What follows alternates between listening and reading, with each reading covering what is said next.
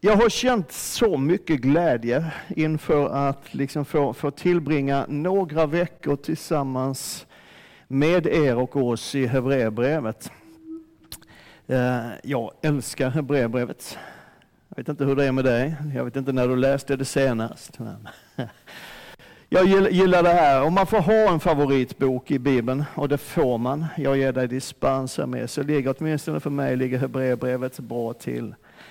Ehm, vi har kallat den här serien ehm, och det har vi gjort därför att det är det den handlar om.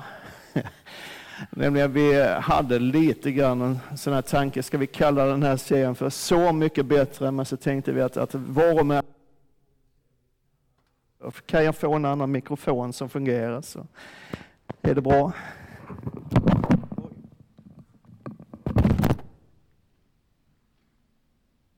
Kör vi den här istället.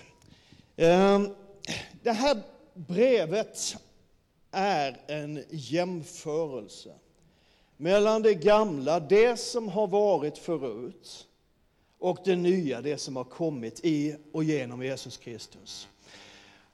Och anledningen till att jag tycker att det här är så fantastiskt härligt att, läsa, det är att Hebreerbrevets författare är helt övertygad, rakt igenom hela det här brevet, att det nya, det som Jesus kom med, är både bättre och större och härligare än allt som har varit förut och hela det gamla förbundet. Och så förklarar han i detalj i 13 kapitel.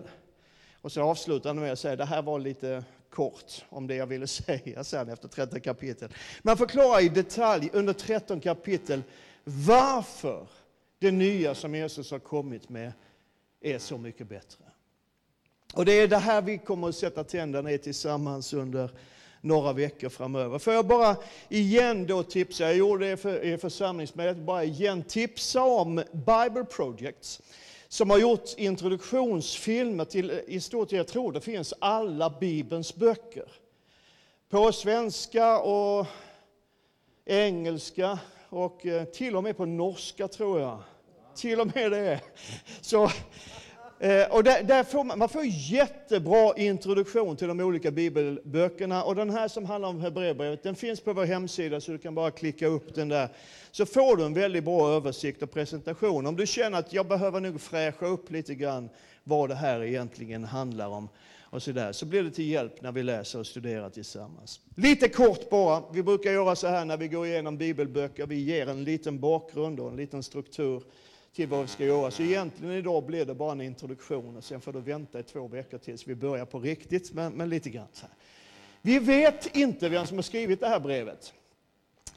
Vi vet inte ens om det är ett brev från början. Det finns ganska många teologer som menar att ja, det här är nog en nerskriven predikan. Någon har hållit en undervisning och så har någon skrivit ner den och så har man skickat runt den. Några har gissat på att det är Paulus som har undervisat och att någon av hans medarbetare har antecknat och skrivit ner och färdigställt det här och skickat vidare. Och det finns en del som är ganska typiskt Paulus och hans tankegångar så här. I Hebreerbrevet, både i uttryckssätt och i det som är brevets huvudtankar, att det nya är bättre än det gamla. Eh, och så. Sen finns det andra forskare som menar, de har tittat på formuleringar och grammatik och tycker sig se stora likheter med Lukas och hans evangelium och apostlagärningarna som Lukas också har skrivit. Då. Lukas var en av dem som följde med Paulus på hans resa. Det skulle kunna vara så. Och I den tidiga kyrkan så var det många som ansåg att ja, det här har Paulus skrivit, det här finns med i en samling skrifter som kallas för Paulus samlade verk från 200-talet. Och så finns det sånt som gör en lite tveksam till om det verkligen är Paulus, eh, om det här skulle vara ännu ett brev av Paulus. I början på det andra kapitlet så står det ungefär så här att frälsningen förkunnades först av Jesus själv och sen så förkunnades den eh, den förkunnelsen fördes sedan vidare till oss genom de som själva hade hört honom. Men Paulus är på många andra ställen väldigt noga med att tala om att han minsann inte har fått sitt budskap från någon annan människa, utan det har han fått genom en uppenbarelse av Jesus själv. Eh, och så. Det finns lite kuriosa om man vill i originalupplagan av King James Version från 1611 som vi alla brukar ha och läsa som vår go-to-bibel antar jag. Eh, så står det att det här brevet är skrivet från Italien av Timoteus. Men var man har fått den informationen ifrån det framgår inte riktigt. Men det, ja. Grejen är, och det är det här jag är lite grann ute det blir bara killgissningar och är du tjej så blir det väl tjejgissning då. Ja, och mycket av alla de här gissningarna de faller ju någonstans på att det man har att jämföra med är ju liksom sådana här skrifter som är skrivna av andra bibliska författare. Och det skulle ju mycket väl kunna vara så att det är någon annan, någon som inte har skrivit någonting annat i Nya Testamentet, som har skrivit ihop det här brevet. Skulle det kunna vara. Så man får hålla med kyrkofadern Origenes när han konstaterar att vem som skrev det här brevet, det vet bara Gud. Och vi vet inte heller riktigt vem som var mottagare, eller om det nu är en nedskriven predikan, vem som först lyssnade till en sådär. Men det här är grejen, att det här brevet eller predikan förutsätter hyfsade kunskaper i judendomen och, till de, och i de judiska traditionerna.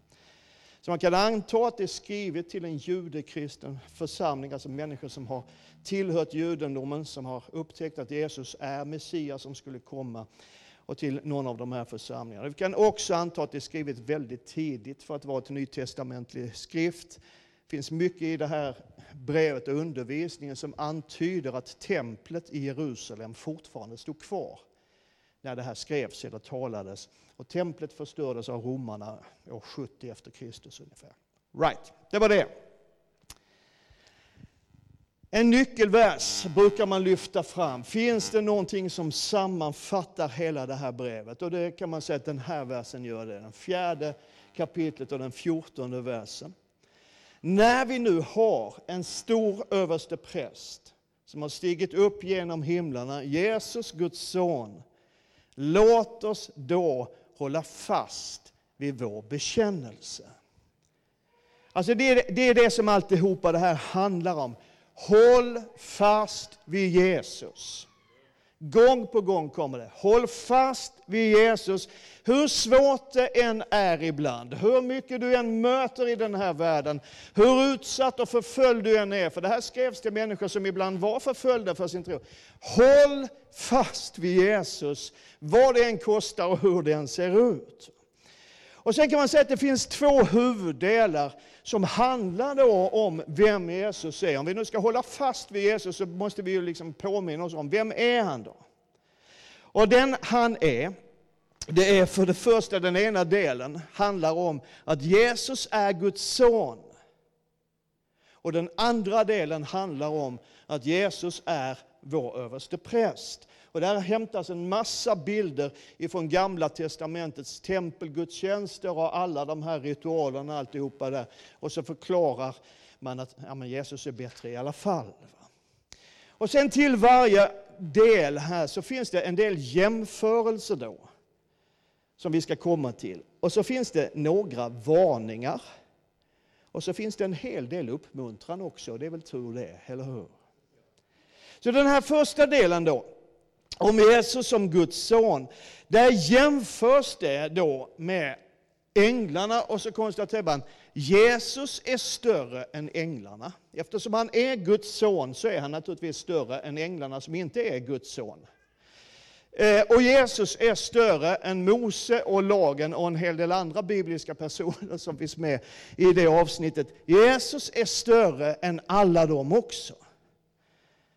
Och sen finns det en del härliga varningar. Driv inte bort med strömmen. På ren svenska och lite modernare svenska så betyder det ungefär som vi ska se, flumma inte iväg. Amen. Förhärda inte era hjärtan, liksom. var inte hård inuti, utan ta emot vad Gud ger till dig och så finns det en uppmuntran, kom in i Guds vila. Han talar om sabbaten, det är ju en judisk tradition och sedvänja som Gud har instiftat. Men han pratar om, ja men det finns en ännu bättre sabbat, en ännu bättre vila, att få vila i Jesus Kristus. Sen den andra delen då handlar om att Jesus är vår överste präst. Och så jämför man då med prästerna, och egentligen jämförs det med hela prästtjänsten, allt vad den innebär, allt det som fanns med liksom i Gamla Testamentets gudstjänst, tempelgudstjänst och tabernakelgudstjänst. Tabernaklet var ett tält som man hade innan man hade byggt ett, ett riktigt tempel. Så här, men liksom allt det, gudstjänsten var i stort sett densamma. Allt det där är så större och bättre än. Och det offer som Jesus har gjort när han själv dog på korset för dina och mina synder, det är bättre, säger Hebreerbrevets författare, än varenda offerrit som du kan hitta rakt igenom hela testamentet. Det finns inget som slår det offret. Och så finns det lite varningar här också, de kan, kan du behöva. Nu händer det grejer här. Det här är så bra, när man bläddrar tillbaka så blir, får man köra om alltihopa, men du har väl inget för det? Va? Ja, det blir lite snabb repris. Där skulle vi vara. Men den vill inte det. Vi tar det en gång till. Då blir det snabb repris nummer två. Funkar inte det så skippar vi det. Det kan ha hänt något här. Där och där. Och så den och den. Nu, fall inte av från tron.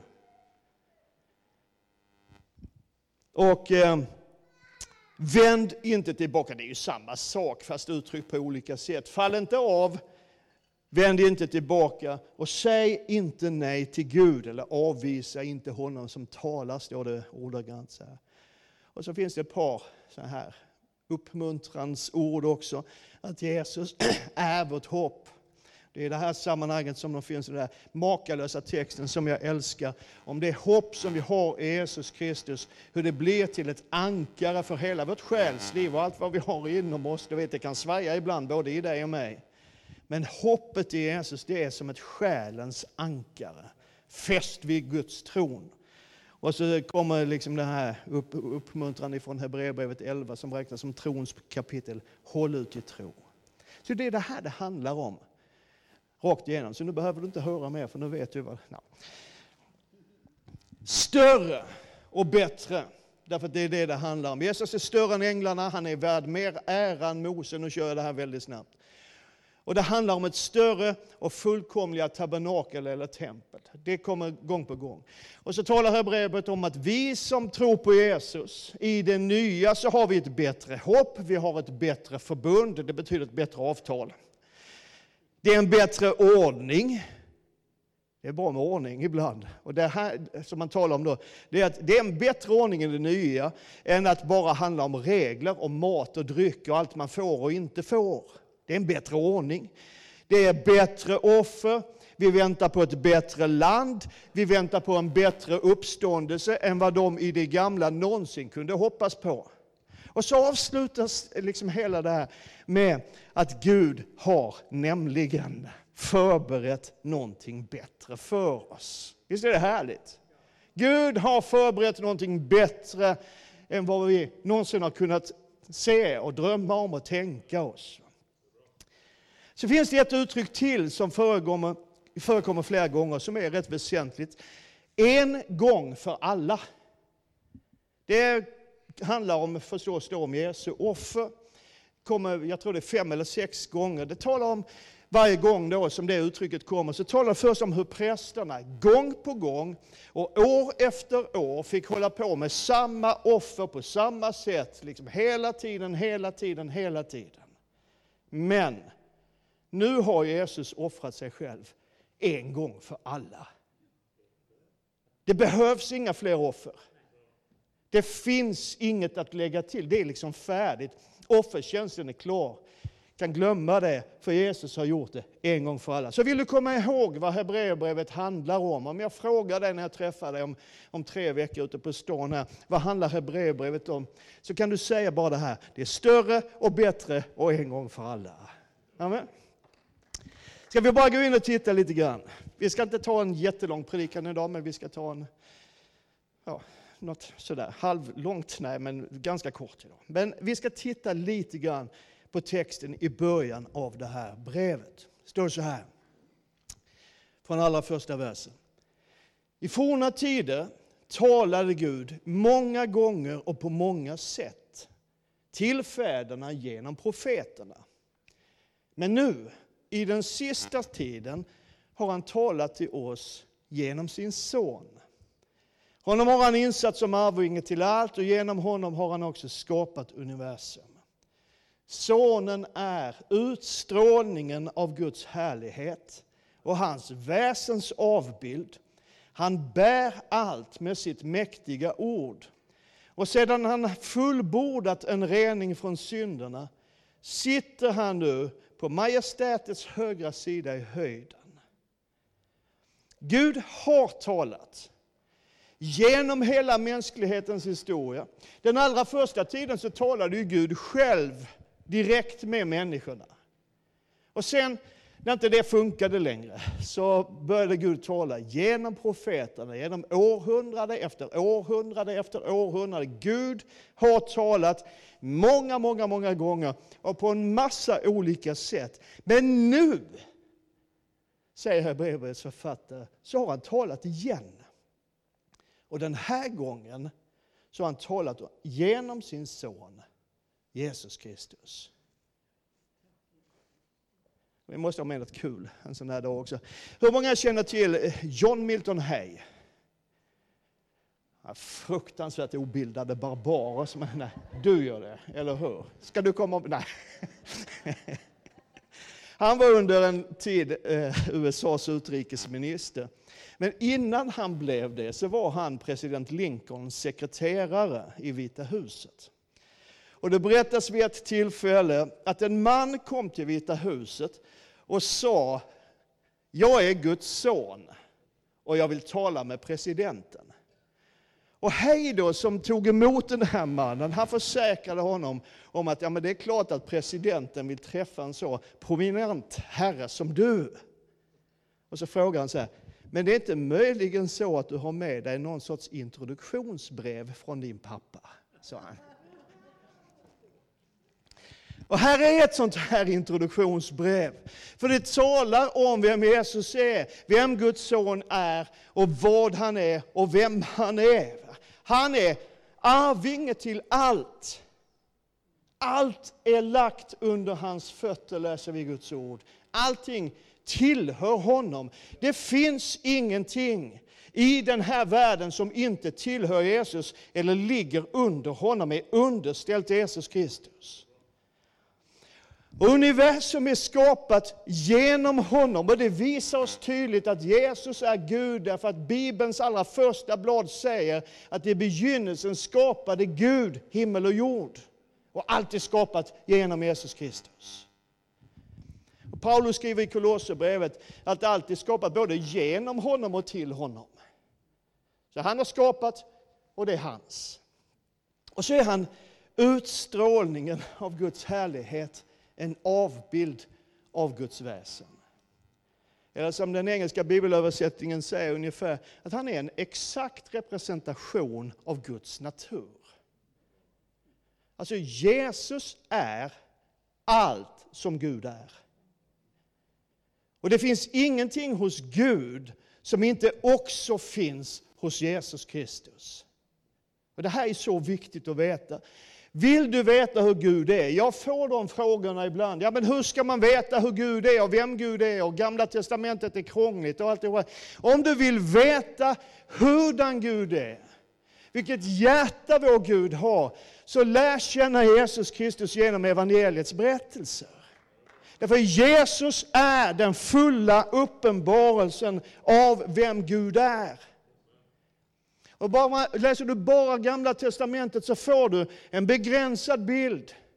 Du får inte hela bilden av vem Gud är genom att bara läsa Gamla Testamentet. Därför att Jesus är den totala och fullständiga uppenbarelsen av vem Gud är. Och så har han renat världen från synd, det var därför han kom hit.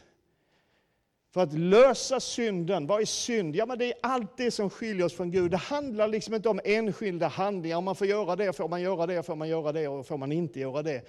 Det handlar om ett genetiskt, skulle jag på att säga, men ett sorts systemfel i oss som människor. Paulus beskriver det, och säger Det goda som jag vill, det gör jag inte, men det onda som jag egentligen inte vill, det gör jag. Det är det som är synden. Det är det som får oss att vara någon annan än vem Gud har skapat oss att vara. Det är det som skiljer oss från Gud. Det är det som är synden, inte hur många glas vin du dricker på fredagskvällen eller vad du gör med ditt liv på andra sätt. Det kan vara uttryck för att synden råder i ditt liv. Men det är inte det som är synden. Synden är systemfelet. Och Jesus har renat den här världen från synden. Så du och jag kan stå fria ifrån den. Och så står det att han sitter vid sin faders högra sida i himlen. Och han har satt sig ner. Vet du vad det betyder? Det betyder ungefär detsamma som när jag går och sätter mig där om en stund. Nu är jag klar. Det är vad det betyder.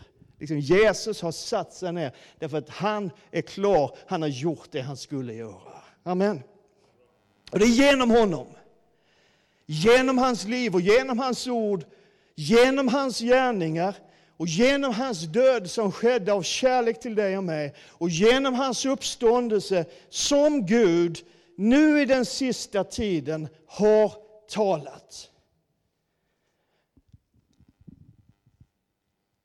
Han har talat, och det finns ganska många teologer och experter på grekiska som menar att själva verbformen i den här versen slår fast att det här handlar om någonting slutgiltigt.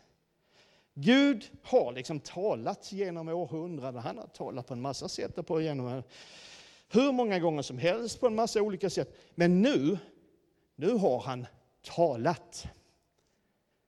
Sista ordet är sagt, det kommer liksom inget mer, det kommer ingenting annat. Det är mic drop, det finns ingenting att lägga till.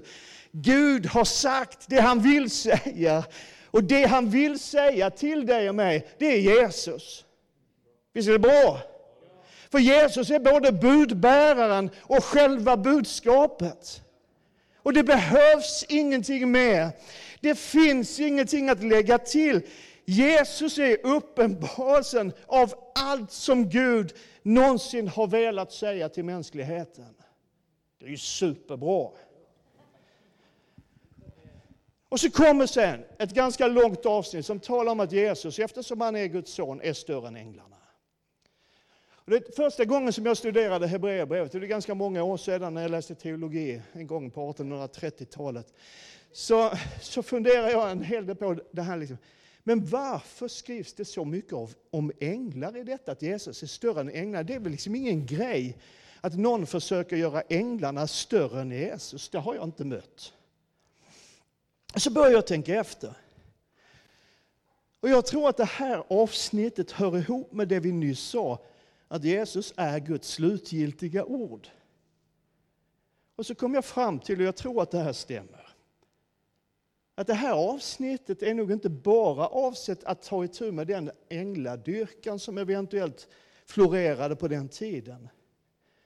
Utan att Gud också ville ge kyrkan och de troende någonting för framtiden. För du vet, på 600-talet så dök Mohammed upp och hävdade att han hade fått den sanna uppenbarelsen av Gud dikterad för sig av ärkeängeln Gabriel. Det kan vi hoppa över en massa århundraden för annars tar det här för lång tid. På 1800-talet så påstod Joseph Smith att han genom ängeln Moronis anvisning hade funnit guldplåtar med den sanna gudsuppenbarelsen, Mormons bok. Och I början på 1900-talet uppstod en ny religion i den här världen, Bahai. Berötter i en rörelse kring Bab, eller Ali Muhammed. Som, du gissar rätt, av en ängel fått reda på att Jesus och Muhammed är egentligen samma person. Och vi kan mergea de här två religionerna i stort sett. Och då kanske du tänker, ja, men det där är ju bara gamla villfarelser någonstans. Men vet, de här gamla villfarelserna har rätt många efterföljare.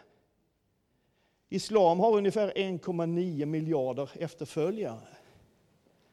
Det finns drygt 20 miljoner mormoner i världen. Det finns cirka 8 miljoner bahaister. Och det är ju en sak. Men lyssna nu.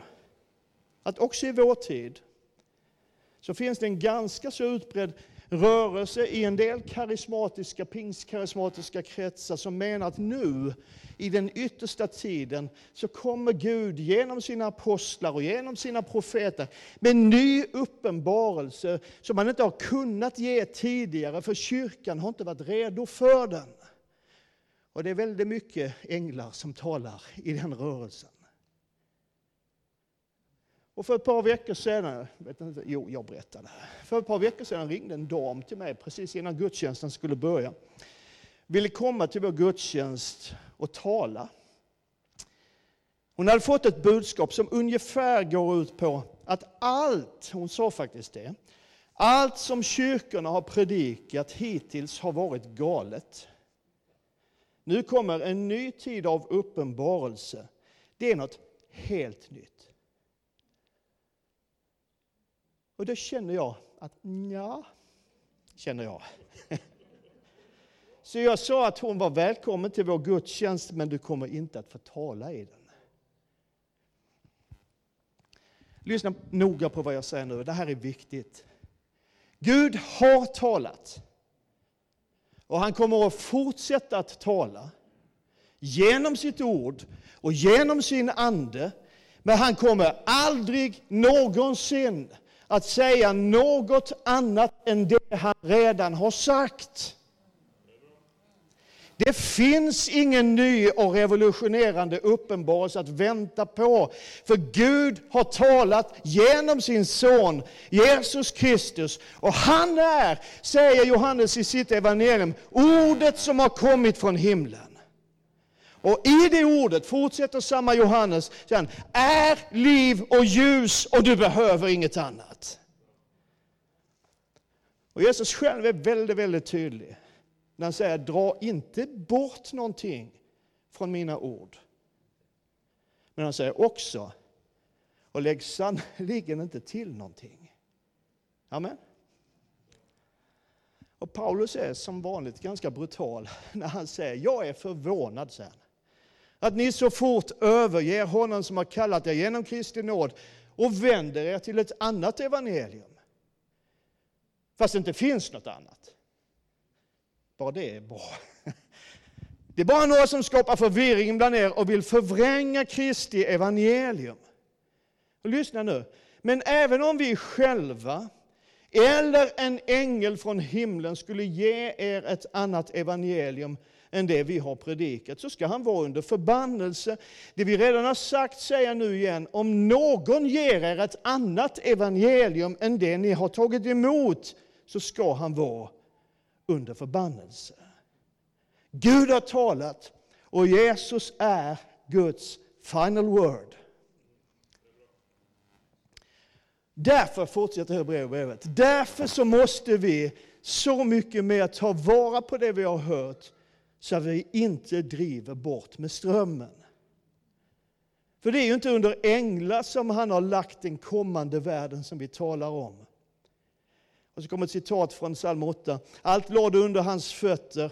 Och när han la allt under honom, alltså när allting lades under Jesus, så utlämnade han inget. Allt skulle vara lagt under honom. Så allting har lagts under Jesus. Vad betyder det? Ja, det finns ju flera beskrivningar i Guds ord av vad det innebär och vad det är vi väntar på, vad det är vi hoppas på, vad vi längtar efter för att se. Man bara sammanfattar väldigt, väldigt snabbt. Så. Det betyder att då är all, all sjukdom och död utplånade. All ondska är borta. Allt lidande är borta. Mänsklig egoism är borta. Egennyttan är borta. Och det som vi har talat om under de senaste verserna, veckorna, det här kopplar liksom ihop Hebreerbrevet med det vi har talat om tidigare. Miljöförstöringen har upphört, klimatkrisen är över. Orättvisorna, svälten, vattenbristen, allt det som vi ser som ondskan i den här världen är utplånat. Och sen står det så här, och nu ska jag avsluta med detta. Än ser vi inte att allt är lagt under honom. Och det kan vi ju bara konstatera, nej men det ser vi ju inte. För vi ser miljöförstöringen, vi ser klimatkrisen, vi ser svält och vi ser vattenbrist och vi ser orättvisa. Vi ser att vi i den här delen av världen, vi har det oändligt bra medan människor i andra delar av världen inte alls har det bra. Vi ser det inte än. Och grejen är att egentligen är det färdigt. Allting är klart, allt är lagt under Jesus Kristus. Men vi har inte sett det fullt ut manifesteras. Det är lite grann som när Malmö FF spelar fotboll liksom och leder som de brukar göra med 8-0. Men det är en kvart kvar. Vi får vänta på slutsignalen innan vi börjar fira och se liksom segern på allvar. Är du med? Alltså det är färdigt. Det är alltid färdigt när Malmö FF spelar fotboll. Och det är alltid färdigt när det handlar om Jesus Kristus. Det är klart, men vi ser det inte fullt ut manifesterat. Vi lever i ett redan nu, men ännu inte. Och så står det, liksom, än ser vi inte att allt är lagt under honom, men vi ser Jesus. Visst är det bra? Vi ser inte allt är lagt under honom. Vi ser inte liksom det som Bibeln ger oss som ett löfte, det som Bibeln vill ge oss som ett hopp om en värld utan orättvisor, en värld utan miljöförstöring, en värld utan ondska och sjukdom och lidande och död. Det ser vi inte än, men vi ser Jesus. Vi ser vem han är. Och vi ser honom som är utstrålningen av Guds härlighet. Vi ser honom som är Guds väsens avbild.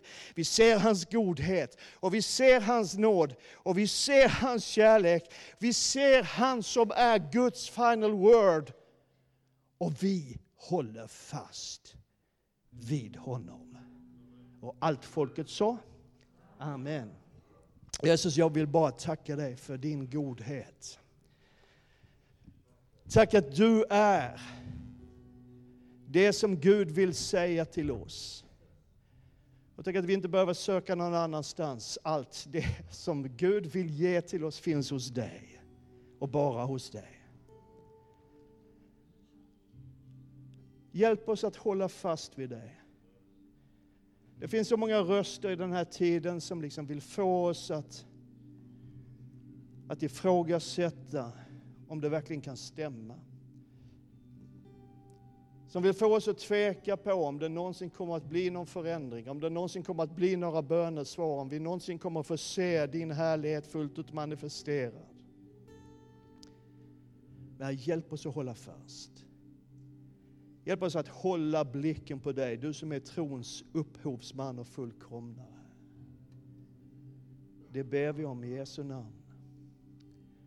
Herre, du känner oss som är samlade i ena kyrkan idag.